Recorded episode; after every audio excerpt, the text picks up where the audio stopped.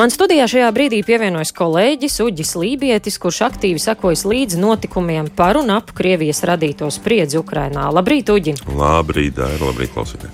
Nu, vakar jāsaka, ka mēs devāmies gulēt, eh, skatījušies uz Putina seju vairāk nekā varbūt gribētu vēlēties, un šorīt mostamies eh, ar cerībām pēc stingras atbildes reakcijas un sankcijām. Kas nu tur ir sagaidāms?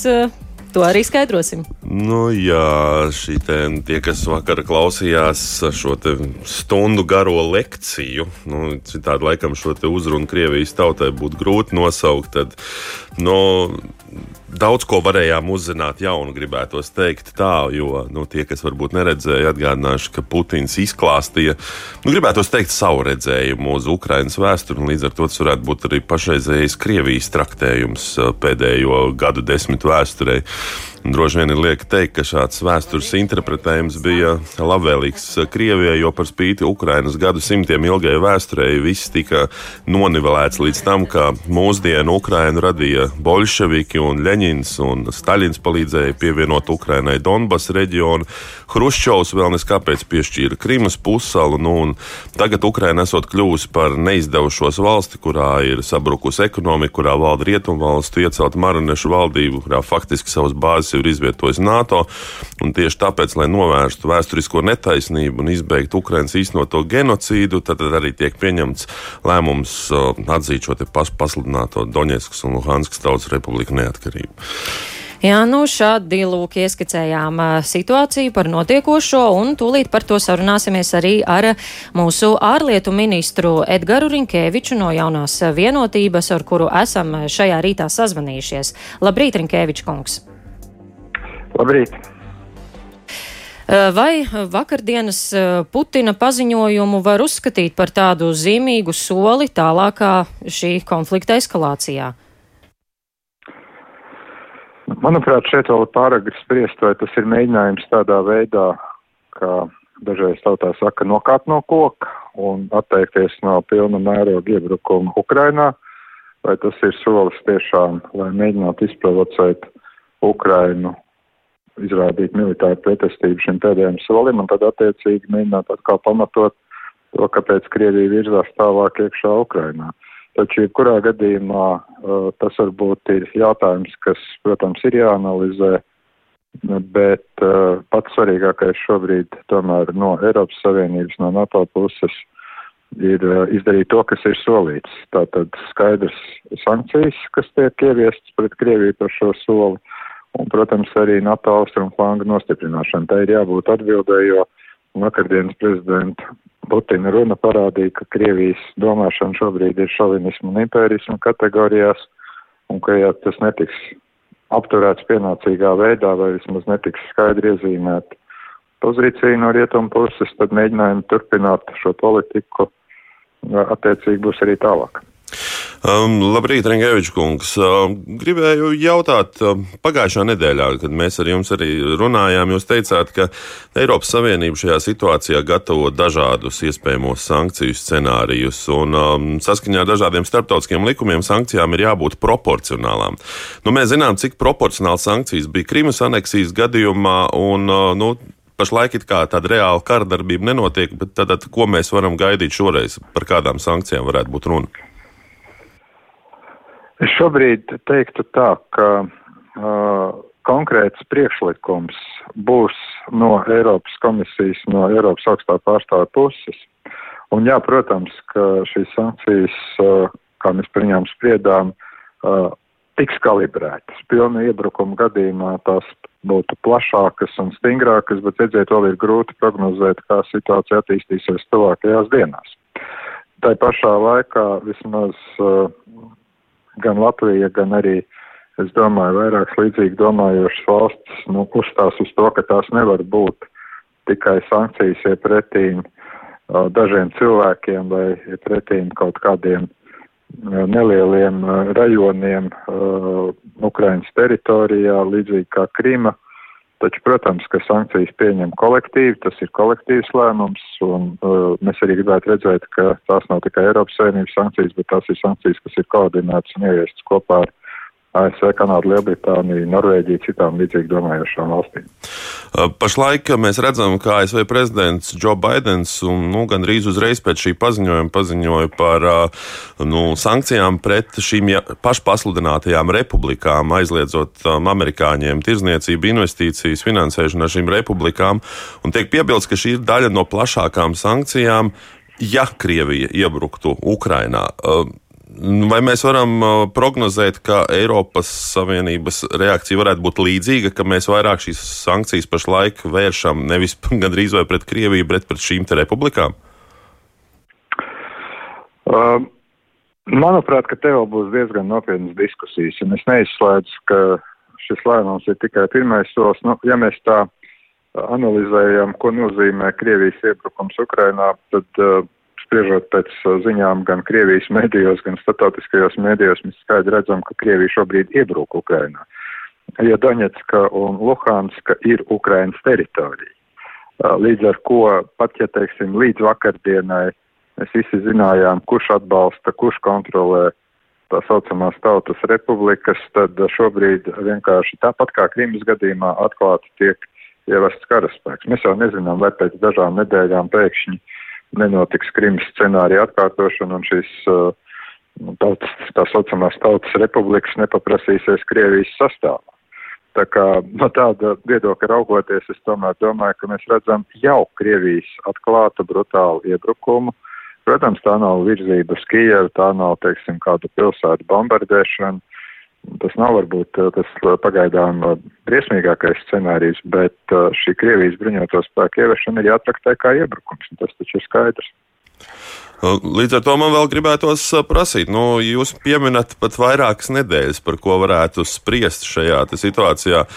Vai līdz šim Eiropas Savienības ir bijušas pietiekami vienprātīgas, spriežot par to, kāda varētu būt turpmākā reakcija? Jo bieži vien tiek izskanēt, izskan ziņas, ka no Eiropā nemaz nav tas viedoklis tik vien, vienprātīgs par to, ka, nu, kādām būtu jābūt šīm sankcijām.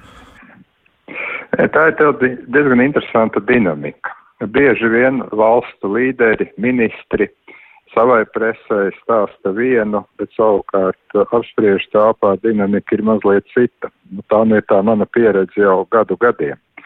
Un jā, dažreiz, protams, ir šī viedokļa polarizācija. Piemēram, Polija, Baltijas valstis prasīs vienu, nu, teiksim, Dienvidu valstis vai, vai Vācija, Francija uzskatīs mazliet savādāk. Un tad diskusija rezultātā tiek izveidots nu, tāds zināms lēmums, kas, jā, varbūt bieži vien ir kompromiss, bet kurš nebūs tik maigs, kā to vēlās, teiksim, tāds liberālāks pieejas aizstāvi, un varbūt nebūs tik stingrs, kā mēs to vēlētos. Nu, 27 valstu lēmumu pieņemšana nav tas vienkāršākais process, bet es teiktu, ka pagaidām tomēr par spīti dažādiem izteikumiem tie lēmumi tiek pieņemti. Gribu cerēt, ka tas notiks arī šoreiz. Jā, nu tad nu sekosim līdzi, kāda būs šī atbildes reakcija, un tik tālu saku paldies šorīt par sarunu ārlietu ministram Edgaram Rinkēvičam no jaunās vienotības. Paldies!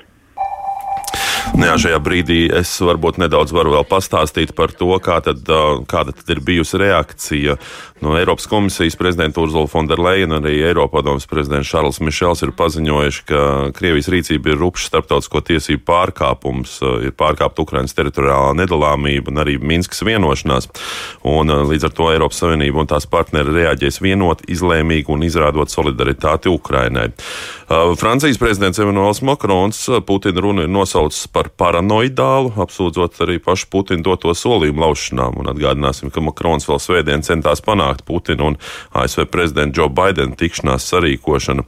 Um, Girts jau pieminēja, ka šorīt notiek ANO drošības padomas sēde, kurā ASV pārstāve Linda Thompson Greenfield ir paziņojusi, ka tas, ka Krievu karavīri tiek saukti par mieru uzturētājiem, ir pilnīgs nonsens. Krievijas vēstnieks Vasilijs Ņebēņs ir norādījis, ka Krievija joprojām ir atvērta diplomātiskam risinājumam, lai ko arī tas nozīmētu, taču brīdina par iespējamo Ukrainas agresiju, un Krievija arī negatavojoties pieļaut jaunu asinspirti no Ukrainas puses. Ukrainas vēstnieks norādījis, ka apvienotās nācijas ir slimas ar Kremļa vīrusu, un tagad jautājums esot, vai ANO pakļausies šim vīrusam. Jā, šādi lūk paziņojumi pēc vakardienas uh, Putina teiktā, bet nu esam sazinājušies ar Latvijas ārpolitikas institūta direktoru vietnieku Kārli Bukovski, lai tad uh, komentētu situāciju Ukrainā jau sīkāk. Labrīt, Bukovska kungs! Labrīt! Um, Vakardienas tātad Putina paziņojums par šo Luhanskas un Doņetskas republiku atzīšanu, tas ir kaut kā lielākas sākums vai par ko tas liecina? Nu, šajā gadījumā, es domāju, mums ir jāiziet uh, no vēsturiskās kaut vai pieredzes, paskatoties. Mēs jau šo minēju savu gadiem, gadiem iepriekš, un es ceru, ka es kļūdos par šo, bet, nu, Putina kungam ik pa brīdim vajag uzvarošos kārs, īsos uzvarošos kārs. Viņam tā ir vajadzīgs bijis, kad viņš nāca pie vairs Čečenijā, tad bija Gruzija, 8. gadā, tad 14. gadā Krīma, un sākums šiem te Doņets un Luhanskas reģioniem. Un nu, vēl var varbūt tās pierēķināt kaut kur arī Sīrijas, uh, Sīrijas ofensīvas un atbalstu Asad režīmam.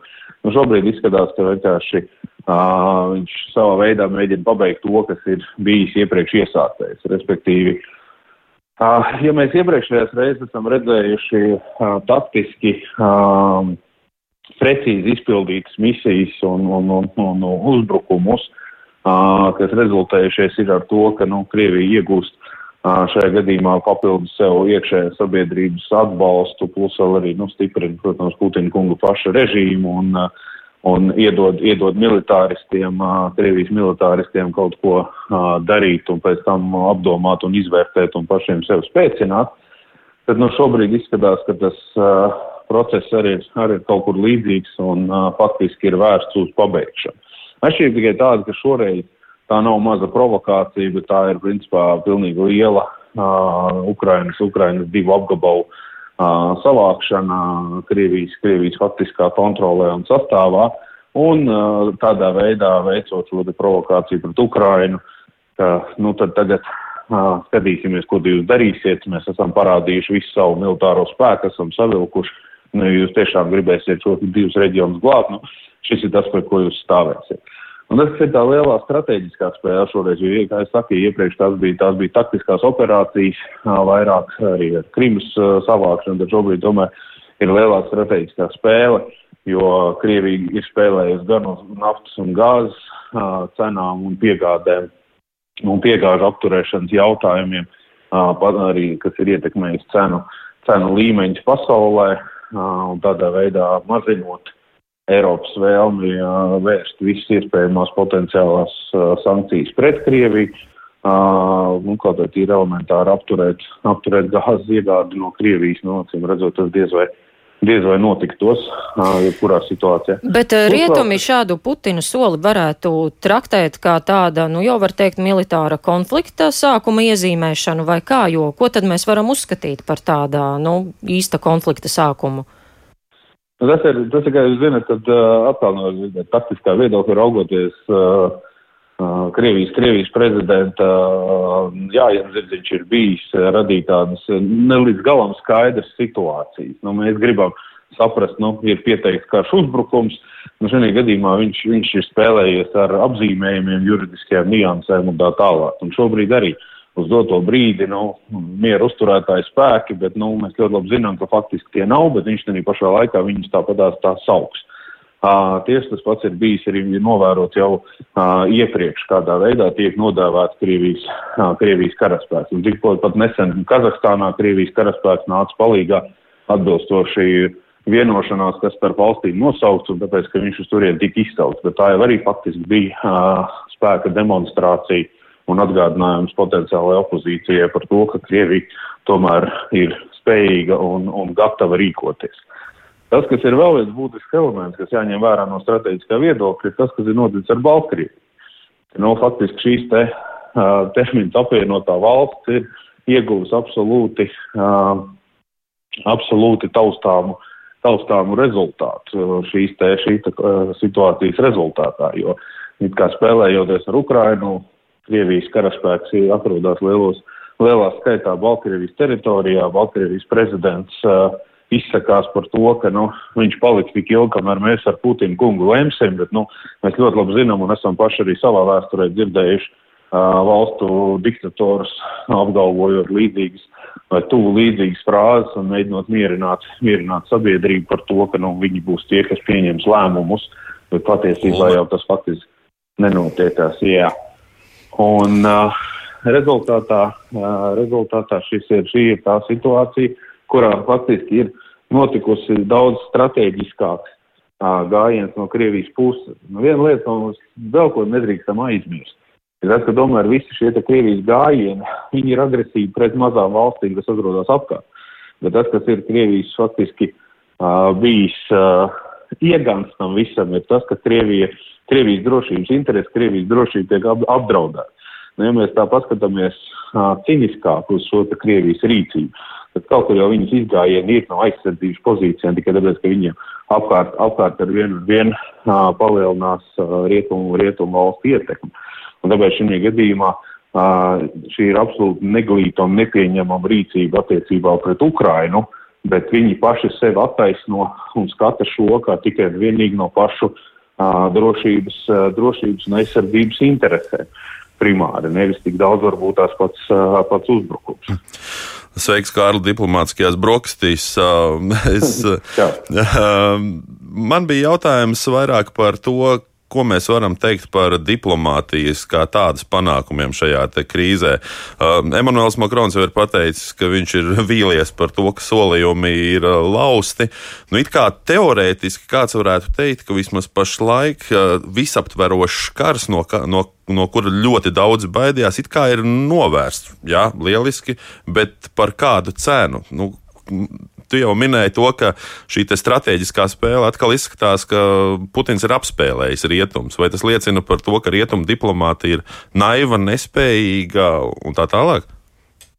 Nē, es domāju, ka drīzāk, drīzāk pretēji. Rietum, rietum, rietum diplomātija šajā gadījumā nu, mums katra situācija jāskat ir atsevišķi. Nu, iepriekš rietum diplomātija ir bijusi spēcīgākais un pārsteidzošākais elements, kas Putina kunga uh, taktiskos plānus ir sagrāvis, jo nu, viņa, viņa centieni un domāšana ilgadējā skaldīšana un valdīšana attiecībā uz Eiropas Savienības valstīm, uz rietumu valstīm kā tādām, ka nostrādās, nu, tas nenostrādāja, sankcijas tika ieviestas. Arī šobrīd izskatās, ka sankcijas tiks ieviestas. Lai zināms, nebūtu paradoxāli, ka mēs it kā skatāmies uz to, ka jā, vienotība tas ir labākais, ko mēs esam jā, sasnieguši un bieži vien tas ir gan vienīgais, bet beig beigās tas ir tomēr uh, solis pret Krievijas spēli uz to, ka nē, nē, nu rietumi jau nespēs vienoties. Tas, ka šajā gadījumā Makrona kungs ir vīlies, nu, tikpat labi es varētu pateikt, es esmu vīlies Makrona kungā, ka viņš kārtējo, kārtējo situāciju, kārtējo starptautisko konfliktu vai domstarpības vai attiecības nav spējis līdz galam atrisināt. Nu, mēs saprotam, ka viņam vēlēšanas tuvojās un viņam ir sevi jāparāda spējīgi, bet nu, ņemsim vērā, ka ne jau tikai Makrona kungam neizdevās. Vācijas jaunajam kancleram arī neizdevās, un uh, visiem, visiem, kas ir mēģinājuši runāt, arī neizdevās. Te ir jautājums par to, uh, tas smagais jautājums ir par to, kas, ko mēs liekam svaru kausos.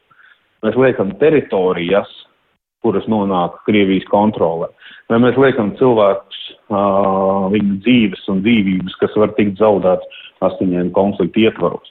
Un tā ir tā lielā spēle, ko šobrīd, tā ir tā lielā provokācija. Un tas ir tas lielais jautājums, kur faktiski Krievija nostādījusi, ja var tā izteikties, tā futbola bumba ir piespēlēta Ukrainai šobrīd. Jo tā ir, tas ir jautājums, ko darīs Ukraina. Krievija ir parādījusi visu savu spēku, iebiedējot un parādot, uz ko viņi ir gatavi rīkoties. Tad ir jautājums, vai Ukraina karos par šiem diviem reģioniem, ko viņi de facto jau nav kontrolējusi pēdējos astoņus gadus. Un tagad, un tas, tas ir tas, kas izraisīs jautājumu, vai būs karš vai nē. Un šī provokācija, šis gājiens ir faktiski tas, kas var nostādīt Ukrainu situācijā. Un tad Krievija varēs skaidri turpināt teikt, ka, nu, lūk, Ukraiņi jau ir tie, kas uzbruk, viņi jau ir tie, kas, kas, kas, kas izraisa konflikts. Un tas ir tas, ko faktiski Putins, Putins arī vakardienas runā teica. Tas, ka, protams, viņš arī viņam ir personīgas nepatikas un, un dusmas uz Ukrainu un Ukrainas valdību un Ukrainas valstiskumu un tā tālāk. Un tās ir, acīm redzot, viņa, viņa personīgās uh, iedomas, bet uh, tādā pašā laikā nu, viņš atrodas, viņam ir pietiekami daudz instrumentāriju, lai varētu šīs savas iedomas arī īstenot reālajā dzīvē. Kā tur ir ar tiem Putina plāniem, imperialistiskajiem, kā daudz mēdz teikt? Viņš apstāsies kādā brīdī, cik tālu viņš ies, jo Krievijai kaimiņos ir vēl arī citas valstis, to starp arī mēs Latvija. Uh, Putins uh, ir, ir, ir tāds. Uh, Staļinam reiz bija sens teiciens, ka padomju savienība beidzās tur, kur cik tālu var aiziet mūsu tanki. Līdzīga, līdzīga situācija ir arī ar ar, ar, ar, ar, ar, ar, ar, ar Putina agresijām un ekspansijām. Te ir jautājums, kurā brīdī viņam tas kumos ir par lielu.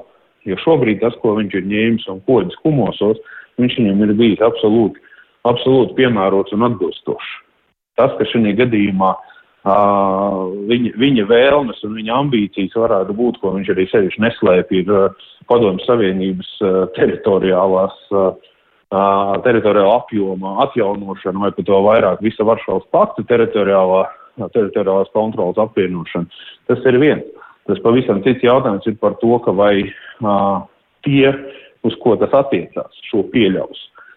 Un te tas, kas ir būtiskākais jautājums. Nu, nevar bieži vien mēs nevaram sēdēt pa labi, pa kreisi, izvēlēties, vai es padomāšu, vai, vai es tomēr varbūt, ka tur kaut kur ir taisnība un varbūt tās, ka tur Krievijas rīcībā ir, uh, ir, ir, ir tomēr lietas, par kurām mēs varam runāt un mēs varam mediēt. Nu, nē, ir šī gadījumā stingra, stingrā pozīcija un nostājoties skaidri un pasakot, ka nē, šis nav pieņemams un šīs ir sankcijas un nu, mēs ar partneriem strādāsim un mums, mēs, mums nav izvēles. Ka tas ir daudz, daudz veiksmīgāk un daudz risināmāk nekā, nekā alternatīvas. Nu, mēs atkal mēs paši savu vēsturi ļoti labi zinām. Nu, mēs esam mēģinājuši alternatīvas, mēs esam mēģinājuši neutralitāti. Un, nu, mēs zinām, pie kā tas noved.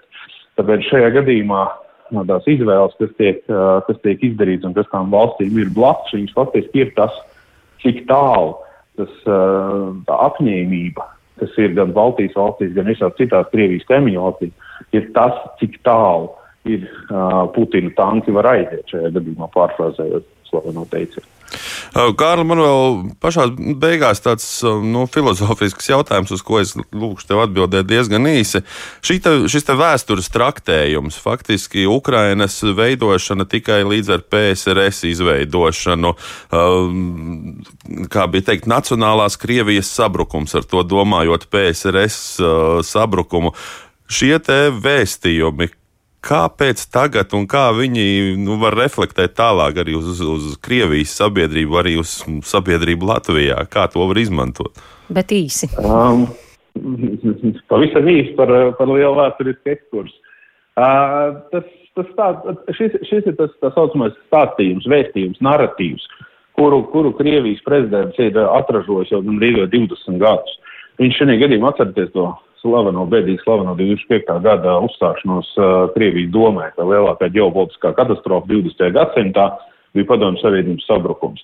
Nu, viņš principā pie šī ir pieturējies. Uh, un atkal, tas ir viena lieta, tas, kas ir viņa vīzija, viņa uzskats, viņa skatījums. Pavisam cits ir pasaules realitāte, kurā viņš atrodas un Krievijas pašas uh, kapacitāte vai to trūkums elementārs. Paldies, saku par sarunu Latvijas ārpolitikas institūta direktora vietniekam Kārlim Bukovskim.